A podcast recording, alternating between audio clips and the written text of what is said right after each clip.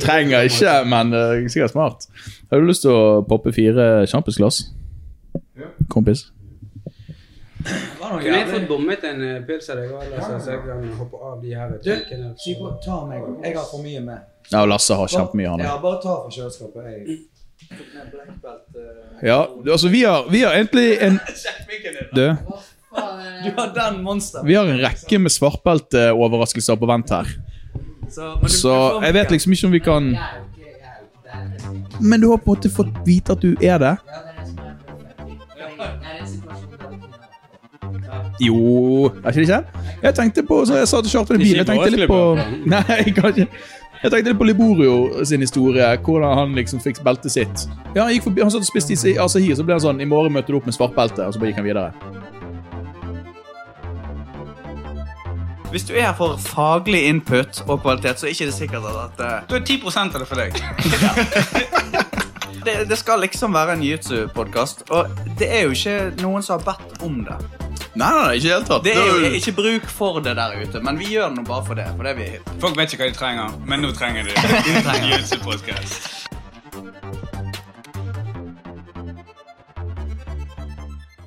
Ok, så hvis Den jeg er sånn, veldig sensitiv. ja, ok, på- så hvis jeg går her, liksom, så er det det er.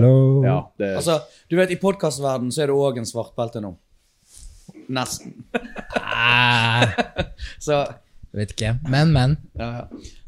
Nei, eh, mye å prate om i dag. Det var jo eh, Jeg vet ikke hvor mye forventninger dere kom inn med. og- Helvete, du hoppet bare rett inn, du. Nei, å nei, ok. Skal, vi, skal ikke Nei, vi bare den- den blæste tar på? opp. Vi blæster på. Ja, den er Tar tatt du, opp. tar du opp, Christian? Det er bare- Ja, men ok. La Ta oss, det la, la oss kjøre en eh, liten intro. Ja. Eh, velkommen til uh, Pysjamasprat. Eh, Velkommen. det er da Skal vi si navnet våre, så ikke Å ja, for Er det det så noen lenge- som vet hvem vi er lenger? Ja, vi, er, vi har vært eh, vekke en stund. Eh, altså, vi har jo for så vidt litt unnskyldninger. Det har vært litt pandemi. Det har vært uh, Selvfølgelig, vi klarte en podkast litt sånn midt i oppi alt sammen også, men Var det to stykk vi hadde i perioden? Hadde vi to, to podkaster? Var det, var det to? To stykk? Gjorde ikke vi det? Tror vi. Jeg husker ikke engang. Men jeg tenker det viktigste er at uh, når vi gi- gikk inn for det her, så var det det å kose oss. Ja. Gjøre noe vi liker å gjøre, og ikke minst uh, lage noe som vi føler vi kunne stå for. Faen, så jævlig korrekt du skal være. Vi får se hvordan det går i dag. Ja, det var Det er en spesiell dag. Det er det. Det føles som om det er Altså, én ting er denne podkasten. Veldig kjekt å være sammen med dere igjen. Jeg, jeg merker jeg har litt overtenning. Så jeg skal prøve å liksom holde litt grann tilbake. Men eh, hele dagen har vært litt sånn overtenning-dag. Er dere enig? Jeg er egentlig ganske enig, og jeg eh, vil si at det, min, min overtenningsfølelse i dag begynte når jeg var hjemme og ringte Gill i dag tidlig. For jeg skulle inn til deg og Gill, Tariq, og, og levere en gave til Gill, for hun har bursdag i dag. Og så um, ringte Gill, svarte ikke, ringte hun tilbake. Og da hadde hun nettopp vært på massasje, som du har sendt henne på. Ja, ja. Og jeg tror ikke jeg har hørt henne så lykkelig på flere år. Hun kom ut derfra. Da ble det sånn Dette er en god dag. Nå begynner vi på høyt nivå. Og liksom alt var bare, har vært god stemning. Og jeg, jeg har vært på sånn høy følelse i hele dag. Jeg synes Det var kjempekoselig å være på gymmen og masse folk og mye stridsslenging og alt. Så jeg er helt enig. Men, men det var jo Merket dere når dere kom inn i rommet, det var masse folk. Det var liksom Var det som om det ikke har gått lang tid siden forrige gang, eller hvordan synes dere det var? Altså, det er jo uh, lenge siden sist vi var i et rom med så mange mennesker, og eh, jeg vet ikke, samtidig så er det litt sånn at jeg, jeg føler lille sånn pandemi-kritikerne inni meg sier sånn «Å, eh, eh, eh», Ikke sant, sånn. Men, men eh, samtidig så er det en herlig følelse å se det igjen og tenke at ok, nå begynner vi å nærme oss et Altså at det her er ok, at det her er på en måte greit, da. Ehm, så, så herlig syn, og ikke minst uh, altså, Det å se folk igjen er jo Det er, ja, det er jo noe som eh, Det er savn, rett og slett. Ja visst. For meg var det rart, for det, det var så lenge siden jeg har truffet mange av folkene. Altså, når du kom inn, så begynte du å snakke med noen, og så var det veldig hyggelig. Men så ser du mange andre du har lyst til å treffe òg.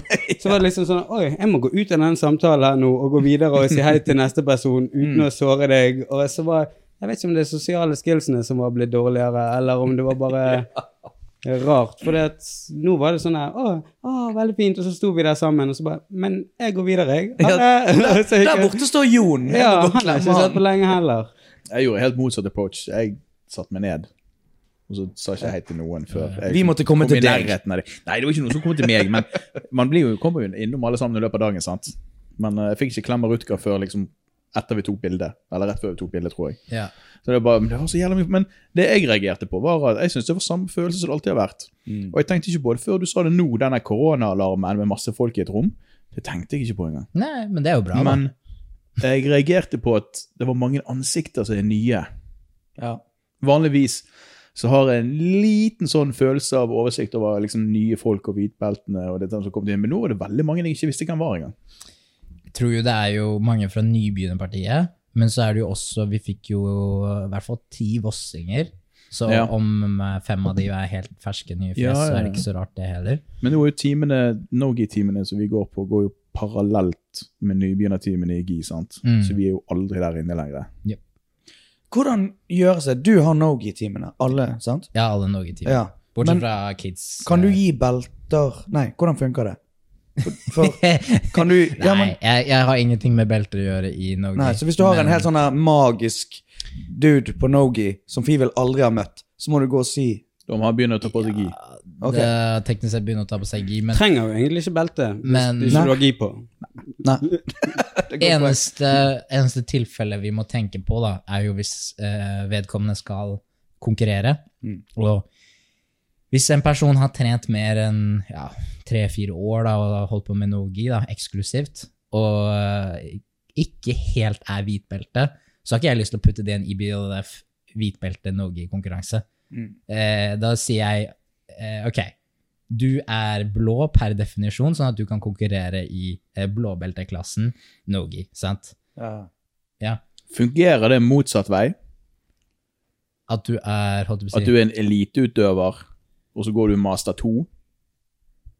Åh, eh, men det er, Altså Som for eksempel Cyborg, som vant master 2-divisjon denne uken. det er uke. sant. Og det, og det er jo det, mange sånne dilemmaer du kan tenke på, men, men se på det her, for eksempel. Hvorfor sånn, sånn Who's number one uken før og uh, tar gull og Jeg vet ikke om han gjorde det, men, Men- altså, et eller annet sted. Og så uken etterpå så går han master 2 i Las Vegas. Det er liksom Men tenk på Men det er jo verdensmesterskapet, da. Master 2. Gå for master 1, da. Hvis Altså, du først skal gå master, så går du i din klasse. Jeg tror ikke du Jo, går ja, liksom ok, lavere okay. master, kanskje. jeg jeg bare reagerte på fikk en sånn post i trynet av Å, Cyborg vant master 2, i- og så ble jeg sånn Hvorfor Ja, man, han er, jo, altså, han er jo så gammel, det er han jo, men, Ja. men uh, det er jo samme ting som si en judo-verdensmester går inn i jiu-jitsu, så eneste kravet de har, er å konkurrere i blåbelte og ikke Mm. Mm. Men vi kan lett si at han har en veldig stor fordel i blåbelteklassen nå, sant? Ja.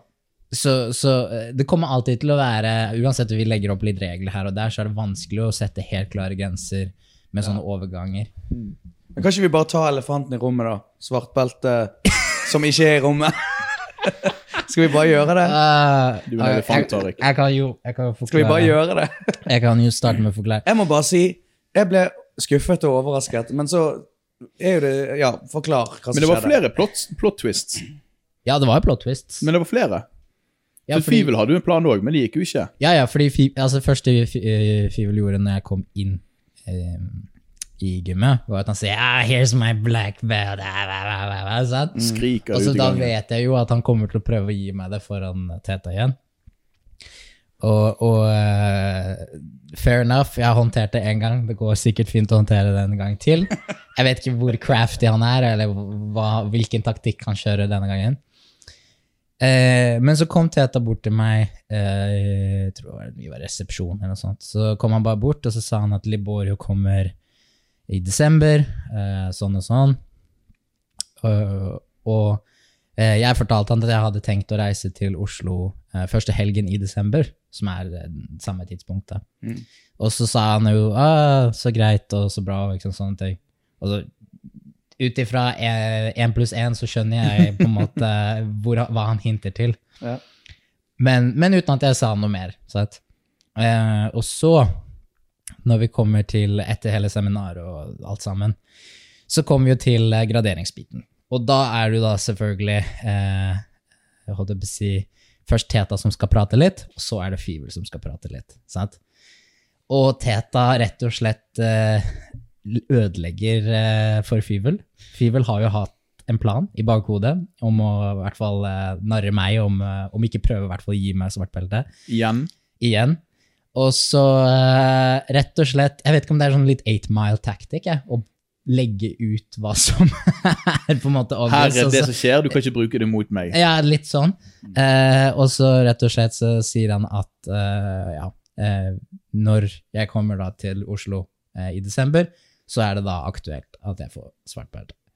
Eh, og det er fair. Det er helt fair. Eh, jeg, jeg har ikke noe sånn spesiell behov for at det skal være en overraskelse eller ikke, eh, eller at jeg i det hele tatt får det sånn sett. Så med, med at jeg kom inn i dag, så hadde jeg ingen forventninger sånn sett.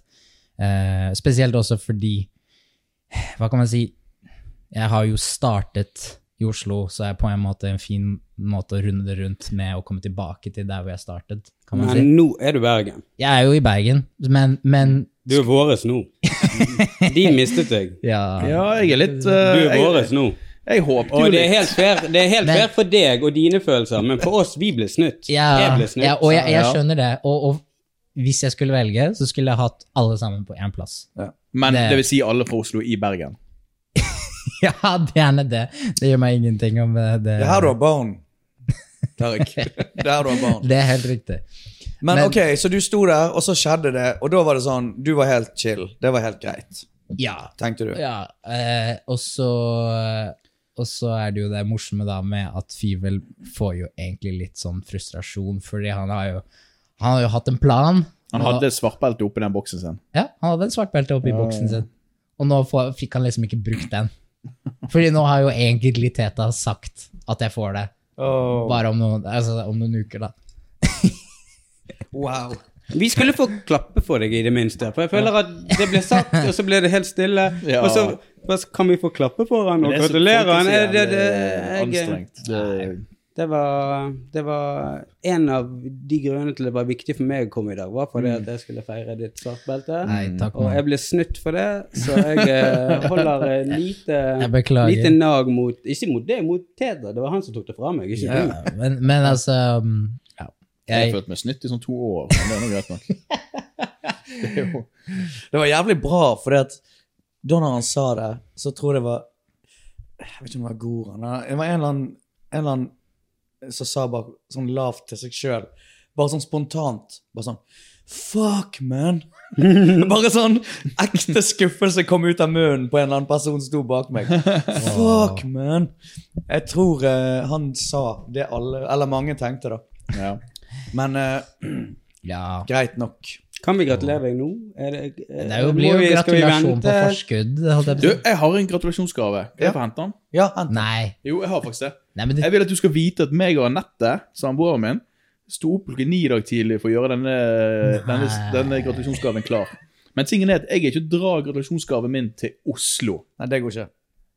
Så det er på sin plass nå, tenker jeg. Altså, jeg vet ikke hva jeg skal si, men eh, Jo da. Ja, men han kan jo vente med å åpne den. På en Nei, nei, måte. nei. nei, nei. Ok. Nå går altså Christian ut av rommet for å hente noe. Ah, Gud. Kjartan har jo i tillegg hentet en svartbelte mikrofon til Ja. Tariq. Jeg vet ikke om eh, Ja. vi har snakket om det allerede. Nei, vi har ikke snakket om det, og det føler jeg vi må forklare til våre lyttere, Tariq. Vil du si litt noe om mikken du snakker inn i? Eh, den ser veldig lang ut, og veldig stor ut, og veldig tykk ut. Veldig dyr. Veldig dyr. veldig dyr. Veldig dyr. Altså, jeg tok med en svartbeltemikk. Altså, du har en mye bedre mikrofon enn oss andre. Du låter bedre yeah. i dag. Og det var jo tydeligvis Hadde jeg visst hvordan kveld skulle være, så hadde du fått en helt vanlig mikk. Men nå er vi her. Men mens Christian er ute og skal fortsette denne svartbeltegrensen, eh, svartbeltegreien så må vi gratulere noen andre med Med belte i dag, da. Så en liten applaus for eh. Kjartan! Kan jeg bare være helt ærlig og si at sånn på ekte Ja. så overras jeg er overrasket over hvor lite selvtillit jeg har på å få det beltet. Hvorfor det? Fordi at jeg har vært der lenge, og jeg er, liksom, jeg er 41 år, jeg har unger, jeg går der og trener, og har, jeg elsker jo å være der. sant? Men akkurat så når jeg ser de andre som har lilla belte, så føler jeg at det, det føles eh, ufortjent. Men jeg vet at det er mange som har det sånn. Jeg kan si deg én ting, og det er at jeg står bak det beltet 100% Det er veldig Og hyggelig du skal vite at jeg var en av de som sa navnet ditt til Fyvel. Å ja. Det er kjekt å høre. Og det er fordi nettopp du kommer dit så mye du kan, Mm. uansett om det har vært en dårlig dag, en bra dag, hva enn det er. Og så har du en god Altså, ikke minst, du har en god tid når du er der, men du gjør andres dag mye bedre enn når du er der også. Åh, det er kjekt. Åh, Hva er dette her for noe? Hey! Ai, ai, ai, ai, ai. Jeg har ikke Å, jeg har ikke Nå så jeg det! Nå så jeg det. Så jævlig fett. Så jævlig fett. Christian. Se på det her. Så, oh. Christian kom ut med en eh, martini med et, eh, et, et svart belte på. Å, fy faen, så fett. Og det der har dere brukt tid på, Christian. Ja, Anette, Anette lo litt av meg i dag tidlig, for jeg satt liksom Det beltet på den martinen er knytt som et vanlig jiu-jitsu-belte. Det var jævlig vanskelig å få Og til. faktisk, det var knytt som et vanlig Og det er rød teip eh, Ja, ja, vi måtte, eh, vi måtte klippe opp i sånn Anette sånn rødt stoff, og så fant hun sånn bitte lite norgesflagg for 17. mai, så vi klippet opp og limt på. Det blir ikke mer ekte enn det. Ødela du et flagg for det? Jep. Men du, Tarek, jeg føler dette er din Instagram-oppdatering. er At eh, etter mange år samarbeid med Christian, så har du mottatt det. det, det her er det nærmeste jeg kommer til et svart Ja, So. Dette er det jeg kan gi deg. Åh, så tusen, jævlig fett. tusen, tusen takk. Ja, selvfølgelig. Jeg, hadde jeg tror faktisk ikke Jeg tror jeg hadde tatt av beltet og fortsatt gitt flasken ikke til Ja. deg, men til oss. Får spare. Men i og med at det ble annonsert, så ble jeg litt sånn Nei, ja, men da Jeg tror vi kan trygt si at det her er noe som går på felles. Det Men ja, du ser jo, det er jo noen glass framme, sånn at hvis det blir en liten popping uh, av den der, eh, så eh, Ja, altså Med en gang? Nei, Jeg venter nei. litt. Vi venter litt. Ja, god tid. God, god tid. Nei, men det var, det var Ja, iallfall. Når det gjelder det som vi snakket om, så er det sånn at jeg ble overrasket over, når jeg fikk det beltet, hvor kjapt denne følelsen For det første, det som skjer etterpå, det er at du går og hilser på andre folk som sier eh, at de er glad på dine vegne. sant? Men så treffer du andre folk som tenker sånn Men du burde jo, liksom Og du burde hatt det beltet. Det var liksom det Og det var jeg overrasket over. Ja, altså du, du, du tenkte over at andre burde ha heller ha fått Ja. Lilla, sant? eller hva tenker wow, liksom, Men det der er jo noe meg og deg har snakket om, for vi har jo sittet og spekulert litt og har sittet og spedunket litt på kveldene. Men det som gikk opp for meg i dag, eh, var litt det at jeg har jo kanskje falt i min egen felle for det som Fivel har sagt jeg ikke skal gjøre, det er å sammenligne med andre. Mm. fordi når vi har snakket om hvem vi kanskje tror eller ikke tror, eller mener eller ikke mener, så har jeg hatt en tendens til å sammenligne dem mot andre i klubben.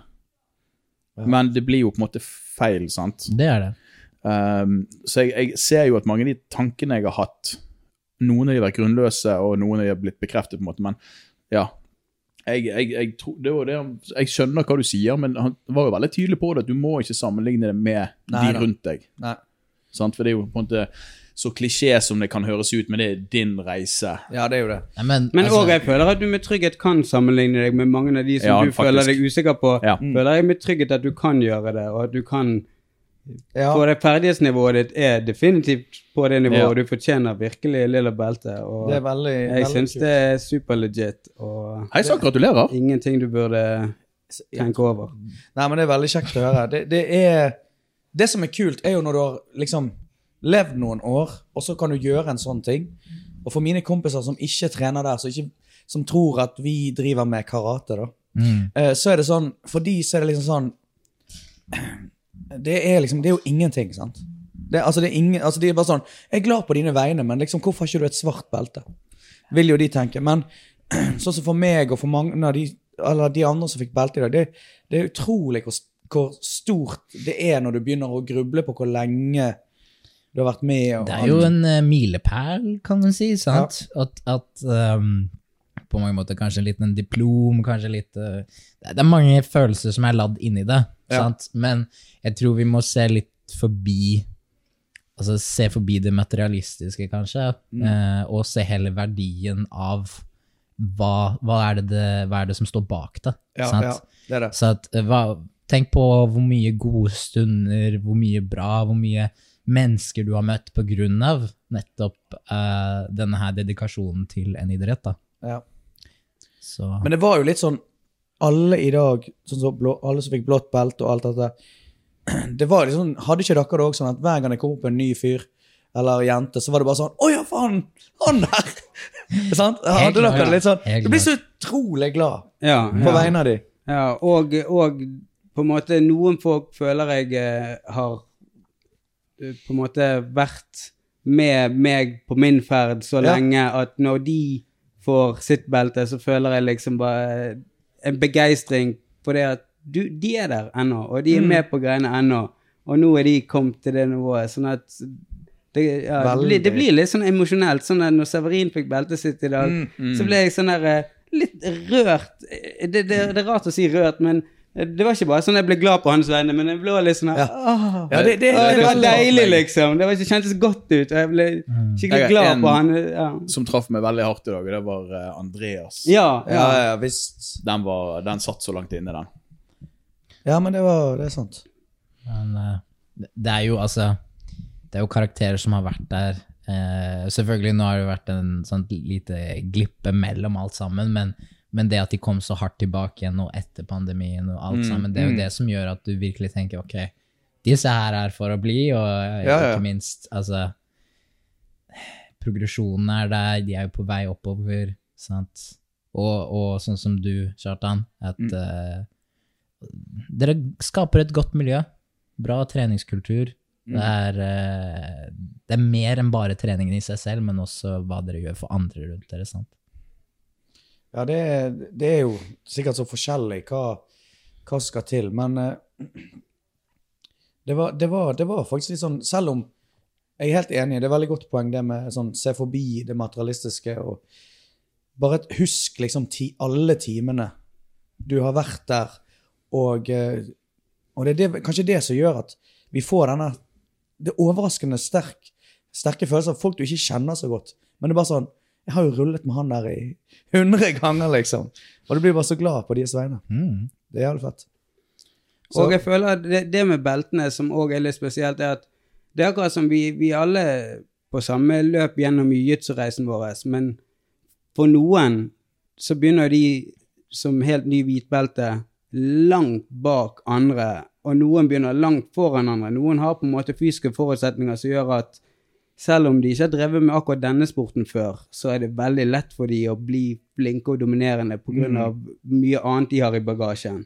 Ja. Og så mange folk har et stort hinder med å komme seg på maten. Og noen folk, du ser de i de første treningene, så er du sikker på at du aldri kommer til å se de igjen. Og du var jo litt en av de som bare på en måte ble helt knust i begynnelsen, Ja. og som var veldig ute av form, og likevel har drevet med det så lenge og kom til gjennom Så selv om på en måte Du startet jo med en på en måte Langt bak. ja, langt bak i de fysiske forutsetningene. Ja, sant? At du hadde på en måte ikke helt grunnlaget for å drive med en, en så For det, sport, sporten er jo litt annerledes i, det, i den forstand av at vi konkurrerer mot hverandre, og vi på en måte prøver å kvele hverandre hele tiden. Mm. Og det er veldig in your face. Og hvis du begynner litt lenger bak, så er det mye mer kameler og du må svelge på veien oppover.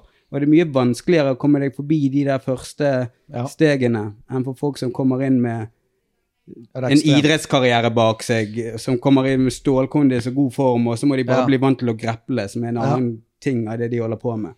Ja, du har noen flere hindre foran deg. Ja, ja og, og den tøffe tiden, og den tiden som er vanskelig, er vanskelig mye lengre hvis Mm. du kommer uten et godt grunnlag. Men det er faktisk egentlig en litt fin overgang til en ting som jeg har tenkt på. Kanskje vi kunne snakke om. For det at Det slo meg Jeg vet ikke, du har jo Nogi-partiet, sant? Mm. Men er det litt sånn at For at når jeg begynte sant, for noen år siden, så søkte jeg på internett. Ok, brasiliansk jiu-jitsu, det er dette her. Så jeg, jeg søkte opp Det er sånn det er. Altså En, en som er, begynner i dag, vil jo sikkert ha et helt annet inntrykk av brasiliansk jiu-jitsu. Eh, hvis han- sant? For du søker jo opp videoer. Sant? Men når jeg søkte, så var det sånn da, da var det sånn at Eddie Bravo satt og snakket om at vi må forandre jiu-jitsuen. Og nå har jo alt, all galskapen skjedd. Sant? Nå har du vanvittig mye skjedd de siste årene. Så det at når noen begynner i dag, så vil jo de søke det opp og finne ut at det, det er jo liksom så mye som har forandret seg. Så, så kanskje et annet utgangspunkt for de som kommer inn døren i dag. Jeg tror uh, Altså, det, det er ikke mange år tilbake du skal gå før du Det var mangel på informasjon på nett og på Altså generelt å finne ut hva, hva, hva slags teknikker som fantes, og så videre, sant? Mens der vi står i dag, så vil jeg nesten sagt at vi, vi er uh, Altså, vi drukner i informasjon, da.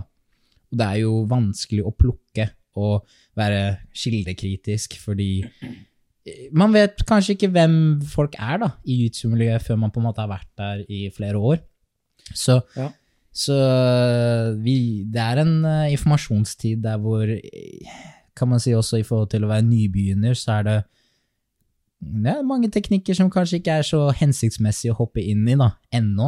Og, Ja, for jeg bare husker når jeg søkte på nett, sant? så var det sånn Ok, uh, uh, liksom eh, Bumpe noen av deg, liksom. Og så kunne jeg liksom Da var det all tid på de der ekstremt liksom sånn basic ting. sant? Men hvis du søker på jiu-jitsu nå, så får du vel opp så mye mer forskjellige typer regler. Hele Nogi-verden eh, har tatt, tatt, tar mye plass, da.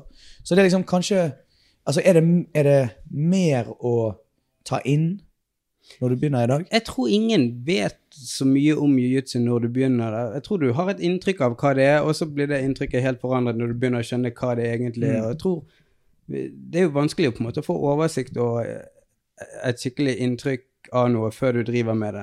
Ja. Og jeg tror, eh, jeg tror ikke det er så mange som bruker mange måneder på å finne ut av jiu-jitsu hva det er, før de prøver det. Nei, du må bare være der og kjenne Ja, tror- hvordan det føles. Jeg tror folk er ganske blank når de prøver det. For jeg, hadde, jeg trodde jo jiu-jitsu var én ting. Jeg begynte jo med det litt på når jeg var interessert i MMA og syntes det var jævlig fett. Så visste Mm. jeg at det var et lite element av det. Men jeg hadde jo ikke en anelse om hvor mye eller hva jiu-jitsu var i forhold til når jeg begynte med det. Apropos uh, MMA. Eh, så i dag, eh, teknikkene Teta viste, er jo veldig mye sånn kan vi si super basic, men samtidig ikke basic. Og måten han legger det fram altså, Teta har jo alltid vært en veldig sånn Han tar komplekse ting og gjør det veldig enkelt. Ja. Men, men uh, i dag så var vi litt inne på slag og spark, og eh, altså for så vidt mest slag, egentlig. Uh, og i forhold til at det å lage distanse og sånt med disse teknikkene, da. Og så tenkte jeg på at det er jo også en ting som tar folk inn i jiu-jitsu til å begynne med. Altså, hvor relevant er dette her i kamp? Ja. eh, altså på gaten, eller om det skal være selvforsvar, eller hva det er. Når folk kommer inn, så er det jo eh, Så er det jo ofte den intensjonen de har, da, tenker jeg. ja, det er vel det. Folk kommer vel kanskje Eller sikkert mange som, ikke, som kommer inn ikke med tanke på at de skal være med i Europeans og prøve å vinne på poeng. Ja, altså, altså man ikke kommer nødvendigvis med intensjon å drive med idrett, men med intensjon om å lære noen måte å forsvare seg selv, da. Og, og selvfølgelig de som blir som oftest, det er jo ikke de som har den intensjonen om at nå må jeg kunne forsvare meg hvis noen hopper på meg i gaten. Eh, men men uh, selvfølgelig er det jo på en måte gleden for det, det å lære og det å være i aktivitet. Det er jo det som på en måte holder folk igjen. Ja, Det var jo kanskje en ting òg, sånn på en sånn dag som så der. Du er jo, får deg noen overraskelser over noen av de som har blitt, da. Liksom noen folk som man bare ikke trodde skulle være der etter fire år, liksom. Ja. Og, men men det, det var morsomt med det selvforsvarsgreiene som Teta var innom, for det er jo veldig lite fokus på det i Bergensavdelingen. Jeg vet ikke hvor mye det, det er i Oslo. Men vi har jo på en måte veldig stort fokus på den sportsbiten. Og du, det går jo nesten i glemmeboken at det òg er en selvforsvarskunst. For min del, i hvert fall. Ting, tingen er at for min del så er det veldig med hvem er det jeg underviser til, og hva er hensikten, eller altså, hva er det jeg prøver å, å eh, formidle til, eh, til de som er der, sant? Og veldig ofte når jeg introduserer jiu-jitsu til folk for første gang, så er jeg litt mer obs på å gi dem en forståelse på eh, ok, hva hvis slag, hva hvis ikke sant, sånne ting. I denne situasjonen så ville jeg gjort det her hvis slag var relevant, sant? Mens um, jo mer man kommer på en måte no-gi-trening med idrett og sport og sånne ting, så blir det på en måte ikke den samme relevansen, da. Selvfølgelig hadde vi hatt MMA-timer, eller skulle vi hatt grappling til MMA, så er det en helt annen sak også. Men selv MMA så har jo det Det er jo regler. Det er jo eksempel ikke slag til bakhode videre. Ja, og hvis du trener mye grappling for MMA, så er jo hensikten din helt annerledes enn hvis hensikten din er å bruke det i en selvforsvarskontekst. Mm. Du vil jo gjerne uh, komme deg ut av situasjonen når du er på bunn i en selvforsvarskontekst, men kanskje i MMA så vil du bare sweepe og komme deg på topp, men du vil ikke nødvendigvis ut av situasjonen. og det blir helt annet. Jeg føler nesten at selvforsvarsgreiene, hvis det skal bli lagt vekk på at det burde vært en liten sånn, sånn sidepensum med sånne, som du hadde kanskje før blåbeltet eller et eller annet, at, at det var en bit som var det, men det er jo ikke akkurat det vi driver med, på en måte. Men hadde det hatt mer eh, kommersiell Altså ta Bergen, da, Oslo, altså Norge. Hadde det vært bedre business for f.eks. Frontline å fokusere på det? La oss si, når du går forbi Frontline i dag utenfor, så er jo det bare en liksom, Det står at det er brasiliansk jiu-jitsu, men ingen vet hva det er. Men hvis det en fokus på dem, tror du det er mer penger i det? Jeg, jeg, jeg tror vi kunne tiltrekket veldig mange flere, men, men jeg ville vært Men veldig forsiktig Ja, ikke sant? Jeg ville vært veldig forsiktig med å markedsføre det som selvforsvar, Ja. fordi du får mye, mye rart inn døren da. Du eh, og, denne, du vet den McDojo-greien der, alt det har vært innom før. Men det er en fyr som har dukket opp nå, som driver og gjør sånne pistolgreier, sånne selvforsvarsgreier. Jeg klarer det ikke. Jeg får, jeg, eh, og, og altså Jeg elsker det. Jeg elsker det. Ja, alle de McDojo-videoene. Jeg må se på det. alle, Jeg må og jeg se på elsker det. Men jeg, får, jeg blir helt Kjartan? Gidder du å hente en Hansa til meg? Ja. Eh, Men, men det var sånn Men det er jo blitt en sånn jævla greie hvor eh, Hvor folk skal teste det de ser, og vise om det funker eller ikke. Og det var en eller annen fyr som eh, Jeg syns det er så jævla morsomt. Det var en eller annen fyr som liksom skulle vise på en gutt som sto foran han med en pistol, en gutt som sto bak han med en kniv eller noe sånt, og så skulle liksom fort ta fra pistolen på personen foran seg, snu seg og sikte på han bak, sant? og da, liksom, da var det avvæpnet. Og det var så jævlig morsomt, for når andre som skulle prøve det i praksis, så er det sånn han prøver å ta fra pistolen fra den første, klarer det litt sånn halvveis, snur seg og får en flatneve rett i trynet med en gang. Det er liksom bare, du har liksom ikke Det er bare urealistisk å se på det. Ja. Eh, Men jeg, jeg skjønner ikke at de fortsatt dukker opp. Og så er det en sånn stereotype. De folkene som har de filmene, har fortsatt en sånn en liten eh, Hva heter det? Å ja, ja, jeg vet hvem du snakker om De nå. du, de du snakker i telefonen i. Ja, han har en sånn liten Bluetooth, Handsfree, sånn som du hadde på eh, 2010 når du var i Businessmann, sant? med sånne rundt øret. og Så har han på seg sånne hansker med så av på Jeg vet knokene. og liksom, akkurat hvilken fyr du snakker om jeg klarer ikke det der. Det er så forferdelig. Du bare fordi der ute. Vår, vår, kjære Ronny Det var Ronny, sant? Ronny står på kjøkkenet med, med sånn gel, jelly shots. Hvis folk fra podkasten vil gå ut og ta seg en eh, i sprøyteform her. Jeg vil bare informere om det. Hvor er, det? er de fra Nygårdsparken? Ja, sånn, jeg, bare, jeg skulle bare si ifra at hvis folk vil ha det. Vi har, eh, vi har rekommendert leiligheten til Lasse i dag. Ja. For de som det, ja. Hvis du hører litt bakgrunnsstøy eller høy kakling, og sånn, så er det hva er det, fire eller fem mennesker ute på kjøkkenet som er forvist Forvist ut. på det minste rommet i hele leiligheten. Ja, ja. Det får bare være sånn. Ja, det Høystbeltene må få lov til å Alle gjøre som de vil. fargebeltene sitter her. Nei, stakkar. Men eh, ja, jeg vet ikke hvordan det er med sånn Vi har jo ikke noen sånn offisiell temaliste i dag. Nei. Sånn, så er det bare det- å slenge ut det man vil snakke om. Ja, ja, ja. Det er veldig koselig i garderobe. Det er faktisk, Jeg vet ikke hvordan folk har fått nys i det. Kanskje noen som har gått og sagt det til alle. Men, og det er jo bare koselig. Men det var en, um, flere som har spurt meg i dag om vi skal ta inn en episode. Og så var det en som kom til meg i garderoben etter seminaret som sa at han nettopp hadde hørt gjennom alle episodene eh, en gang til for andre gang. Og det er jo jævlig koselig. Det er jo jævlig stas å få beskjed om det, da. Det er kjekt. Tenk deg, noen elsker stemmen din så mye, Kjartan. Endelig suksess på et eller annet felt. Jeg er litt sånn Jeg syns Kjartan har den fineste stemmen her. Han har, har, jo han har jo øvd på radio Men i ja, flere har år. litt uh... Men OK. uh, Det er du som skal ha denne. Det er det. Men ja, hvis noen har et tema, sleng det ut. Men jeg kan godt slenge ut ett. Ja, for du har hatt noe du har veldig lyst Jeg har hatt bare én ting, og det er um, Det har jo gått en serie på NRK som heter Hodet i klemme. Sant? Og eh, det er sikkert eh, noen som hører på podkasten som ikke vet hva det er. Jeg må innrømme med en gang at jeg har drept meg ut. Neida, men det, du har, det går du har bra. bedt meg om å se han. Det gjør jeg har ingenting. sagt jeg skal se han, og så har jeg hatt lyst til å se han, men så har jeg glemt det. Men det går bra. Jeg har sett han. Tariq har sett det. Og jeg har sett han. Sipo eh, har Har ikke ikke. sett han. Men det er ikke så viktig. Men det som er greien, det er det at eh, det handler jo om det, bryt, det norske brytelandslaget. Mm. Og det er jo en reality-serie der de følger de, og helt vill timing. Eh, før, før OL Rett før VM, var ikke Rett før OL, og så når VM kom til Norge. Så de har jo fulgt de en god stund, men det er utrolig bra timing, egentlig. Jeg vet ikke om det var det de hadde med hensikt bak Nei, når de startet. jeg tror det vokste. Men, men jeg tror rett og slett de, de startet med at de skulle bygge opp mot OL, Ja. og så innså de at uh, vi måtte bare sikte videre Ja. mot VM. Og sånn at det fikk en skikkelig slutt. Og, og det passet jo veldig bra Det passet jævlig til bra. eh, Stig André. Men det som er spesielt, eh, eller det som er litt kult, er jo det at eh, den serien har vært en kjempesuksess. Mm. Og du ser det veldig godt at NRK har eh, frontet Hodet i klemme-serien, og de har laga jævlig mye serier. De lager mye Ja. gode dokumentarer og sånn. Ja, ja, Altså- den har de pushet. Ja, ja, ja. Og da lurer jeg på, for det første, spørsmål nummer én.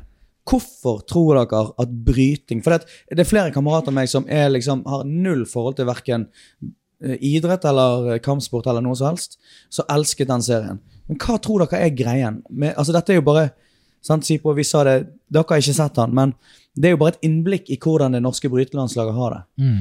Men hva, hva tror du, Tarek, er liksom grunnen til at folk At dette her bare treffer folk? Det er personlig. Det er, du får bli kjent med, med karakterene bak eh, målene, bak treningen. Mm. Eh, du får vite altså, hver enkelt historie, sant? Og ikke minst altså, det, er jo, det er jo snakk om eh, ganske traumatiske barne, barne holdt jeg på å si, ja, liv, også opp inn mot idrett osv. Og, og det å få vite at noen kan komme fra noe sånt og på en måte være på det nivået, da, det er Ja. ganske inspirerende. Men tror ikke du òg at For det, altså, her er jo man med på brytetrening. Og brytetrening er jo Jeg tror kanskje ikke folk har altså, Iallfall sånn jeg hadde jeg, jeg bare skjønte ikke hvordan det var. da Altså det at De, de trener jo til de spyr. Det er, det, det er en sant? De, annen de, de trener til de spyr og griner. Sant? Du, du, du må jo huske også at, at det her er en idrett der hvor rundene er jo uh, to minutter uh, Eller tre minutter ganger to, er det. Og, og det er jo altså det er en helt annen intensitet enn det f.eks. jiu-jitsu er. Eller hvilken som helst eh, utholdende idrett. sant? Så, så eh, noe Altså det er noe man kaller anarob terskel. da. Det å pushe på en måte den grensen med syre og alt i hele muskulaturen og alt sammen, det er noe de gjør stadig. Ja. Og, og eh, det er ikke komfortabelt, på ingen måte. Men så, altså, den viljen de må ha for å på en måte hele tiden kunne pushe grensene, det er helt insane. Kjapt spørsmål. Er det, sier du anarob eller anaerob? Anarob. Jeg har alltid sagt anaerob. Ja, men det er sånn det skrives, så det er egentlig riktig. Oh, ja, men, men, men anarob er ar arob og anarob. Men hvis Ok, da. Så det er helt tydelig at det norske folk eh, digger å se bryte, altså brytere på høyt nivå eh, konkurrere, trene og hele greien de går gjennom. De er jo veldig følelsesmennesker. sant? Mye sterke følelser og veldig knust når de er knust Men du, du etter trening. Men, men du merker jo, de er jo forskjellige, sant? hver og enkelt av de. Altså Noen av de er kanskje litt mer emosjonelt ladet bak målene sine, og andre er eh, selvfølgelig knust når de ta, ikke får det til, eller at noe skjer. Eh, men samtidig, da, sånn fra Nå er jo jeg kanskje sånn litt ut, utenforstående å si det, men de setter veldig mye press på seg selv når de skal Ja. konkurrere.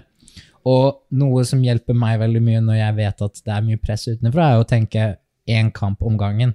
Og tenke mer liksom her og nå, og ikke hva alle andre tenker om meg når jeg går ut på den maten, f.eks. Og, og det er jo det, jeg, Ja. Bare kjør på. Nei, Super. beklager, det var ikke meningen å avbryte, men det er jo litt eh, bryting og sånne sporter som er veldig eh, basert rundt olympiske mesterskap, er jo veldig på en måte pikeidretter, og idretter som krever veldig at du skal prestere når det gjelder å prestere. sant?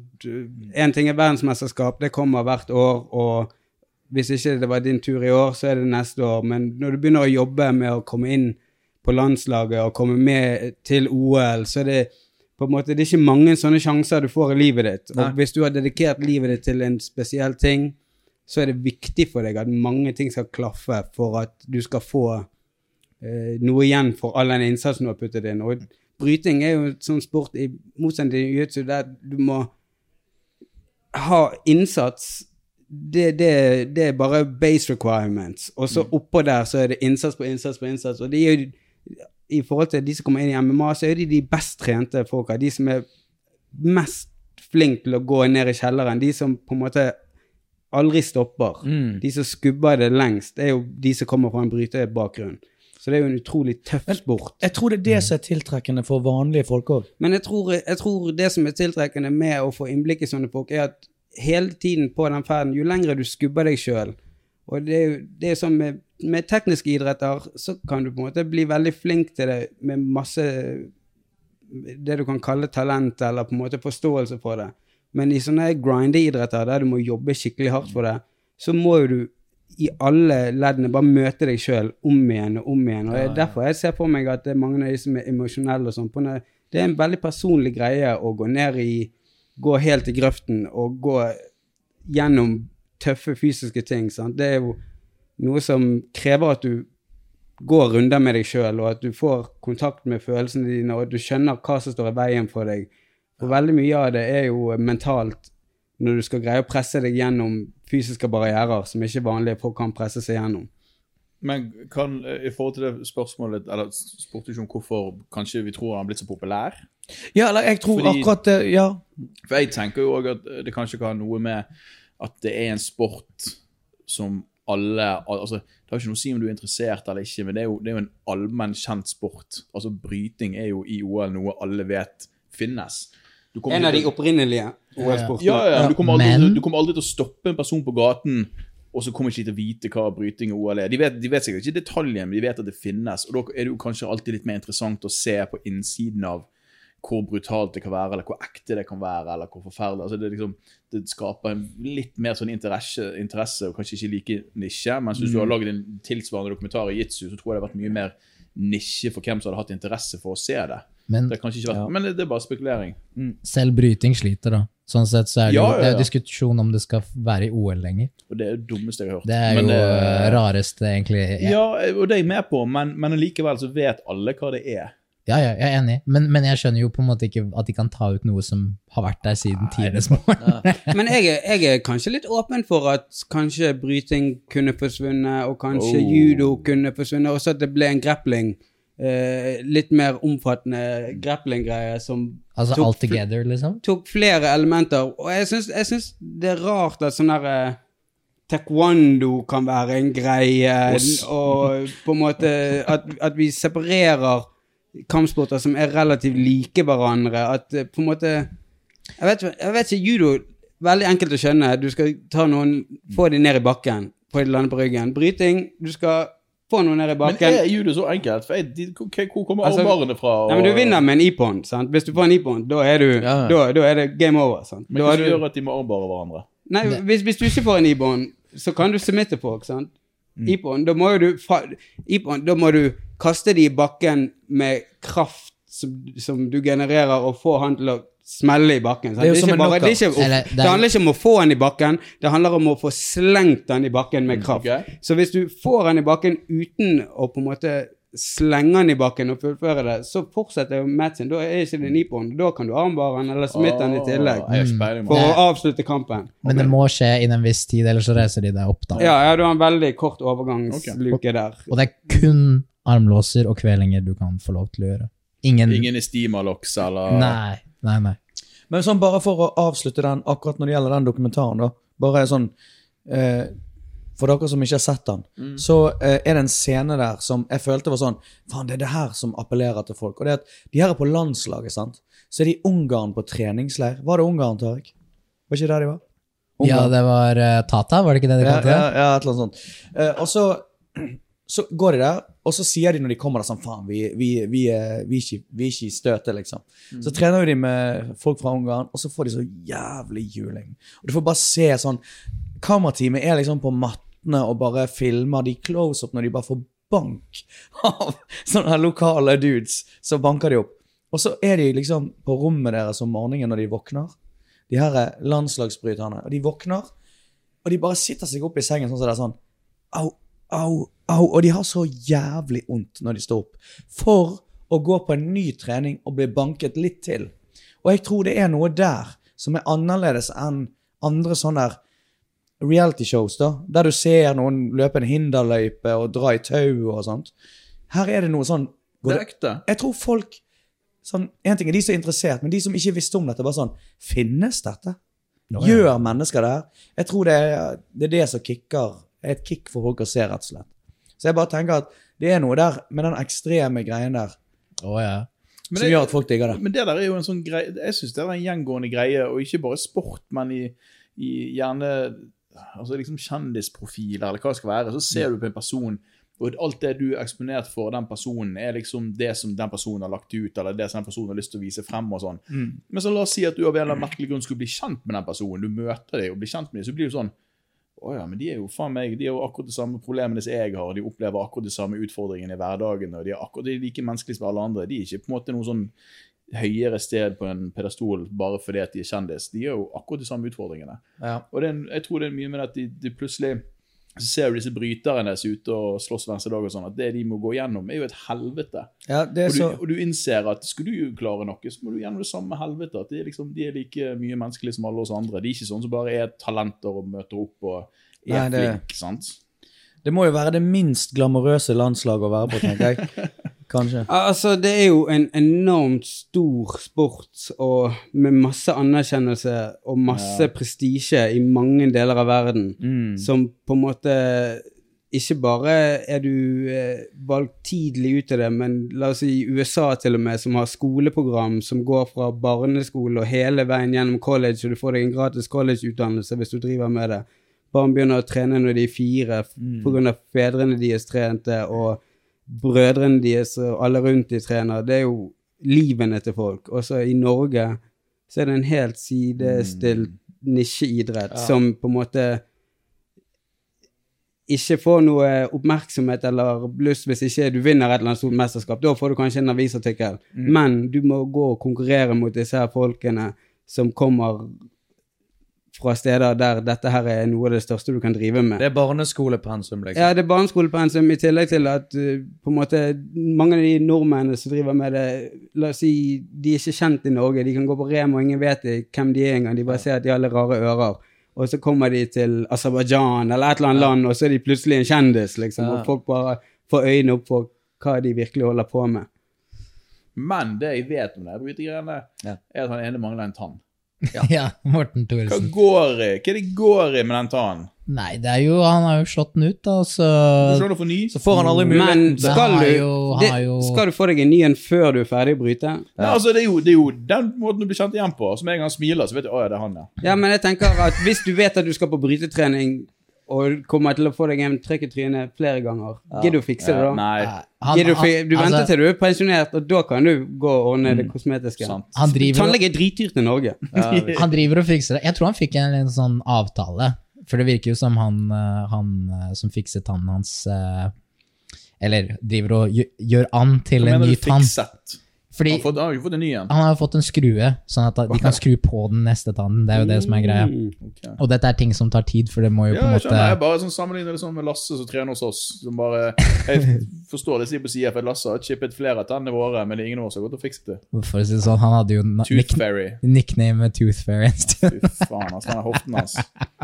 Få den i trynet. Nei, men, men, eh, men eh, Ja, vi får jo sett det her gjennom i eh, serien også, at, um, at han Ja, okay. får Han får tannlegesponsor.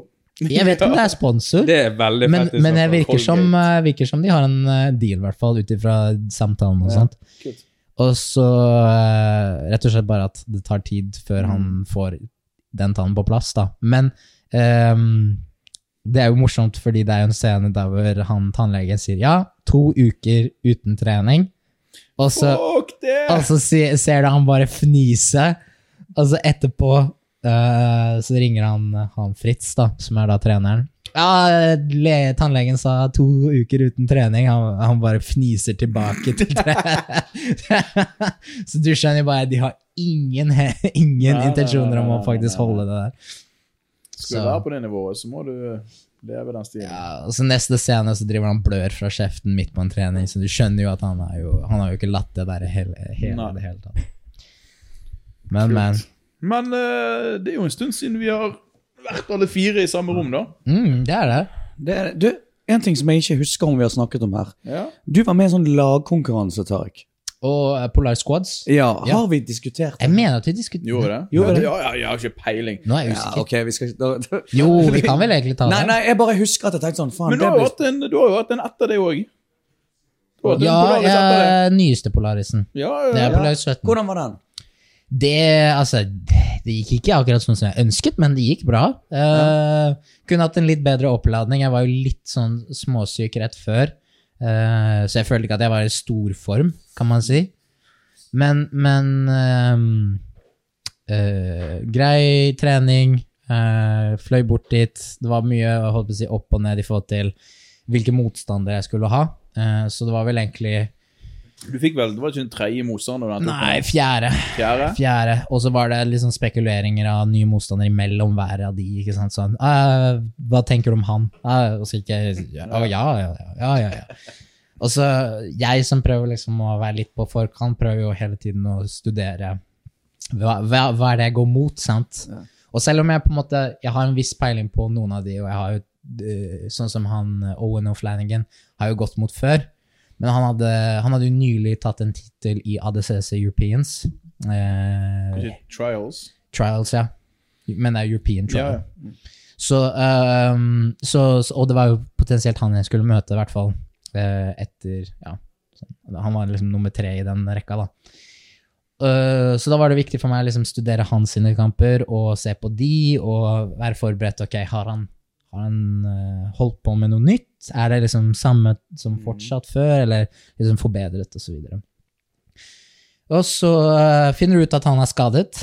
Han har jo sånn freak accident, han. ja, han kutta seg på sånn rail eh, ved siden av matten ja, og noe greier. En uke før, eller Ja, og tekstet meg personlig liksom 'unnskyld, jeg beklager' og sånn og sånn, og jeg bare Dude, det er jo helt bra, tusen takk for meldingen. Sant? Det, det er ingenting som gjør meg mer glad at, at uh, man kan ha den kontakten da, mellom seg, og på en måte Og så vet jeg at det er ikke som at han forsvinner fra holdt jeg på å si, konkurransesiden. Vi møtes igjen. Han eh, virker som en jævlig jovial type. Så eh, Nei, så da blir det Fred Greenhall til eh, slutt i siste liten. Uh, og det er jo fett at folk stepper inn i siste liten. Og han er skamgod på å escape eh, footlocks.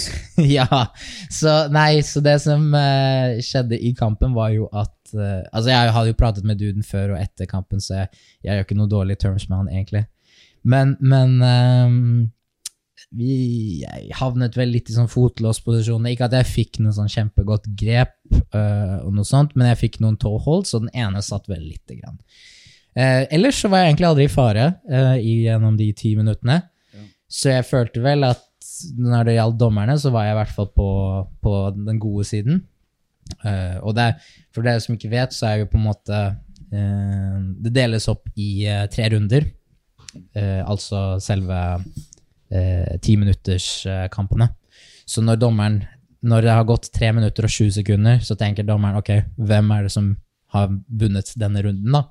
Og så går de til neste del, og så videre. Så du vinner på en måte to av tre, eller tre av tre, liksom, så videre. Uh, nei, uh, så jeg var jo egentlig for så vidt fornøyd med at jeg, ja, jeg vant på decision, men jeg skulle jo gjerne ønsket en eh, submission uansett. Nei, Jeg følte litt det samme vi satt jo og så på kampen i en liten gjeng. Mm. Og på å kaste ut uh, familiebesøket til Anette for jeg skulle se kampen igjen. Og så gikk han litt seinere, så det gikk fint, heldigvis. Men, uh, men, uh, men jeg, For jeg tenkte det samme. Jeg følte aldri at du satt i en fare. Og så Jeg, jeg, jeg tenkte egentlig det var, Jeg følte det var sånn en slags 80-20-dynamikk hvor du var på angrep 80% og han var på kanskje angrep 20 hvis vi er snill med han, egentlig, for å være ærlig. Men, ja. men, så, men så kom kom det ingen vei, og så blir man veldig svett, spesielt i Norge, og så er det vanskelig å få dem til å sitte. Sant? Og så blir det en litt sånn her Men det jeg likte jævlig godt med den kampen i forhold til mange tidligere kamper på det eventet, var at du reiste deg opp. Det Ja. var mange av de kampene som denne matchmakingen på første kampen i det eventet, hva heter han eh, hyggelige polakken? Og ja, Kamil Wilk og um, Robert Deagle gikk Ja. mot hverandre tidligere. Den, eh, for den kampen var helt forferdelig. Ja, og Det det, var, altså, det var ingen av de på ti minutter som reiste den rumpen sin opp på gulvet. ja, det, det er jo sånn Og det, det er jo noe vi Jeg tror veldig mange av oss konkur, altså som, som konkurrerte der, da vi diskuterte veldig mye med hverandre, og det er at Én ting er når vi går på IBDF og konkurrerer eh, og skal vinne Lasse ser, veldig spørrende ut på om vi skal ha mat. Ja, Skal takk. vel runde av om ikke så lenge. Ja, da, vi vi. Ja, vi kan vente litt, vi. Ja. Nei, eh, holdt jeg på å si eh, Vi har jo diskutert med litt mellom oss nå, på treningen og litt sånt, og det er den største forskjellen på liksom tournament og si Polaris, som, der, er, eh, som er et show, er jo, det er jo også vår opptreden er jo at Ok, det, du har én kamp, og du har publikum. Du skal jo selvfølgelig lage eh, show. Det jo, handler om å lage noe entertaining. Eh, sant? I forhold til at hvis jeg går til en konkurranse, og det er seks kamper potensielt foran meg, selvfølgelig blir det ikke Det blir ikke spetakulært å se på meg vinne på en advantage. Ikke sant? Eller sånn og sånn og sånn. Selvfølgelig jeg prøver å gå for submissions, men hvis det betyr at jeg gasser ut og ikke har nok krefter til å gå resten av dagen, så har jo egentlig jeg eh, gjort det feil, sant? Så, så det er viktig å, å som utøver, da, når du går til en sånn konkurranse, at du har det i bakhodet, at du tenker ok, dette oppsettet her oppfordrer meg til å egentlig gi alt i disse ti minuttene, og det er egentlig det jeg skal gjøre denne kvelden. Men en ting jeg følte med den Teams-greien, Polarisen, da var jo det helt tydelig at folk har et veldig godt uh, En god uh, plan på å bare komme seg ut av dårlige posisjoner de var med. Hver gang du fikk tak i en fot eller annet, så var det exit plan, exit plan. Og- Og det er sikkert veldig langt vekke fra det du driver med til vanlig. For hvis vi driver på trening, så er du med på jiu-jitsu. Og hvis du får tak i meg på en eller annen måte, så prøver jeg sjelden å bare rømme fra situasjonen. Mens det var jo det mange, eller alle kampene dine i den teamgreien. Folk hadde var helt, helt innforstått med bare Jeg skal komme meg vekk derifra, og du skal ikke få begynne å sette opp Hvis du får tak i foten, så er jeg på vei vekk. For de vet at det er en veldig sterk eh, posisjon du har. Og så blir de to, på en måte belønnet med det. For hvis de klarer å komme seg gjennom runden uten å bli smittet, så slipper de Da ryker begge to ut. Mm. Og det var jeg utrolig stolt av hvor bra du klarte å holde stemningen oppe og smile til konkurrentene dine og være grei med dem. Til tross for at jeg satt hjemme og skjelte de ut og bare sånn Hva er det som feiler dere? Dere prøver jo ikke å vinne denne kampen. Dere er bare helt innforstått med å komme dere ut uten å bli teppet. Det var seieren deres. Men Så- Ja. Applaus til deg for det. ja, takk, man, takk, takk. Hvor mye snakket dere sammen på laget? Vi snakket en del, og, og, men det som er på en måte med sånne ting, er at det er veldig nytt. Det er jo altså det er nytt, nytt format, og det er veldig mange taktikker som må på en måte utforskes. Men Hadde dere lagd trening? Ja, ja, ja. ja. Eller sånn trening før, da. Ja. Og så diskuterte liksom hva, hva tenker vi om det, og hva, hvordan gjør vi det, og så eh, Det som på en måte vi kom frem til, sånn som Dara, da, som er jo teamlederen på andre laget, var jo at de eh, hadde jo egentlig en intensjon om å låse ut, kan du si, de beste utøverne på andre laget. Sant? Så hvis eh, Si hvis jeg skulle gå neste kamp, da, så eh, håpte de på å hvert fall eh, putte ut en person som kan i det minste forsvare, og i minste på en måte holde ut fem Sånn minutter, ja. sånn at jeg i hvert fall knocket ut inntil liksom, neste runde. Ja. Og, og det er jo for så vidt en teknikk, sant? Det er jo fair enough. Og, og kanskje vi, vi kom med en litt annen type teknikk. Vi var litt sånn Ja, ja, vi Hvem er det du har lyst til å gå mot, liksom? Altså, litt sånn Ok, men husk at hvis du er mindre og slår ut en større fyr, så får du mer poeng, og så, og så videre. Sånn, sånn, sånn. Men, men eh, ikke minst at uh, reglene ble jo endret fra den ene gangen til den andre. At, Ja, for det, at, det ble jo eh, litt bedring der. ja.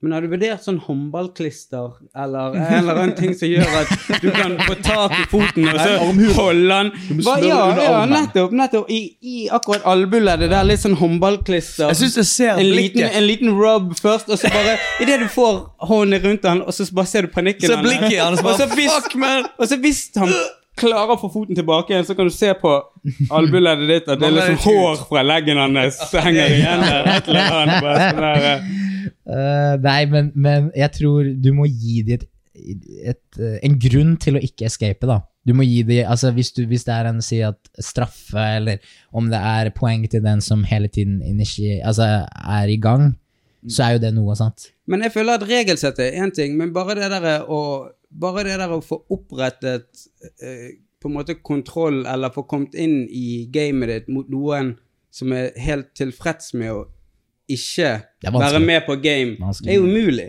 Sant? Sånn Var ikke at, det eh, sånn problemet i Var ikke det problemet i den Hva heter denne, denne De som brukte masse Metamoris. Ja.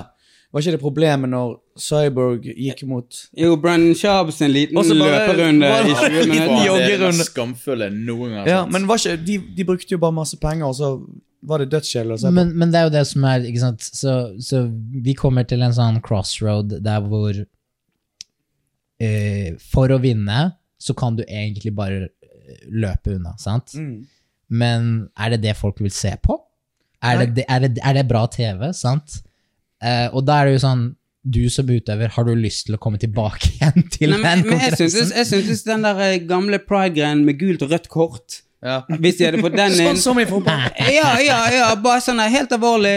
Dette er tredje gangen du disengager. Og helt greit hvis du disengager og så stuper inn og prøver å passe garden og gir alt ditt for å starte ditt game. Men hvis du bare står på avstand og skubber noen på hodet og holder de unna, og neste gang de engager, så disengager du og holder deg unna, så må det være en advarsel. Men hva skal de kortene bety? det første gule kortet er advarsel. Det, er at nå, nå tuller du deg. Du er ikke med på gamet. Enten prøver du å vinne denne kampen, eller så er du ute. Og røde kortet, da er du ute. Da tapte du. Å, vet du hva det er? Det, du gjør du sporten publikumsvennlig. Det, men jeg mener, det må jo være tvang, for i, i situasjoner der folk kan velge å ikke være med Det er veldig vanskelig å ta jiu-jitsu på noen som ikke prøver å ta jiu-jitsu på deg. Så hvis de bare prøver å komme seg vekk fra hele spillet, så må jo det være noen, noen på en måte Alle ser jo det. Det er jo helt tydelig for alle. Du ser jo det er strategien deres med en gang kampen Ja, setter i gang. Så ser du det. Og det, det er på en måte en ting som hindrer Enten det, eller så er det den håndballklistergreien. Og en, en, en av delene, liksom. Jeg stemmer så- for det, de to tingene du nevner der, Sibo. Og sleng på en trikot som er altfor stram, sånn som bryterne har, eh, Tariq. Da er det faen meg jeg tunet inn på den lagkonkurransen din òg. Da har vi tre ting som kan gjøre dette publikumsvennlig. Ja, for, for en annen ting er gien. Sant? Da kan du få deg et grep, og så Ja, ja. kan du jobbe med å forbedre grep og forbedre kontroll på. Men i Nogi-konkurranser, hvis folk bare disengager og nekter å være med på ufordelagte situasjoner, så blir det umulig å få noe action. Og da spiller det ingen rolle om den ene personen er interessert i å gå for submission og gi alt de kan, hvis den andre personen er bare tilfreds med å ikke tape. Ja, det er... Men, men den lagtingen, det virker jo litt rart, eller interessant, det å ikke ville være det svake leddet, selv om du sikkert ikke tenkte sånn. Men det å være liksom med de andre og tenke sånn, faen, jeg vil ikke være han. Var ikke du den eneste brunbelten? Jo, Og det var, gøy. Craig Jones Ja. fikk you jokes på Instagram. Det var det jeg skulle Rett si. tilbake til det blå eh, svartbeltet ditt. Så la Craig Jones ut i den forrige Polaris. Bare sånn Se her, her er Tariq. Han konkurrerte jeg med, men når jeg var brunbelte Lilla, faktisk. Ja, lilla. Jeg snakket med moren din om det i dag, og til og med hun fortalte meg og hun lo av snappen når Craig Jones filmer deg, og du går på matten og liksom varmer opp og kjenner litt på matten. Og sånn. Og så har Craig Jones filmet og skrevet 'Tariq still looking for his black belt'. nei. Det er så morsomt. Jeg lo og jeg lo, jeg måtte vise til Anette, og bare Det var, det var så priceless. Ja, det er ingen av oss utøvere i Frontline sin skyld at det er noe sandbagging på G. Det må, det, jeg unnskylder på vegne av klubben, og eh, ikke skyld Jeg på utøverne. føler, men du, Tariq fikk jo svartbelte i dag. Det er bare dette bitte lite, og det er rundt en flaske. Ja da, ja da. Svartbelte her i dag. Ja, det er sant. Tre år for seint, men Det er fire centimeter langt. Den heter Martini. Oh my god. Og den eneste, altså hvis jeg skal bruke det beltet på noe annet sted det vil Vi ikke- vet det- hvor. vi vet hvor. Slapp av, mann. Nei, men Er det noe mer vi skal si før vi skal gå? Vi skal vel treffe vi holder det kort og søtt. jeg. Vi har litt pizza vi skal spise, og litt venner å være med òg før vi stikker Ja. ut og later som vi skal på byen. Veldig kjekt å være med dere igjen. Ja, og gratulerer, Kjartan. Gratulerer. Takk, Stolt av dere. Takk, Jævlig hyggelig å få samlet uh, gjengen litt. Grann. Ja, kos. Tusen takk. Snakk om oss der ute. Pyjamasprat. Spre ordet. Spre ordet. To år til neste episode. Nei, nei, nei, nei. nei.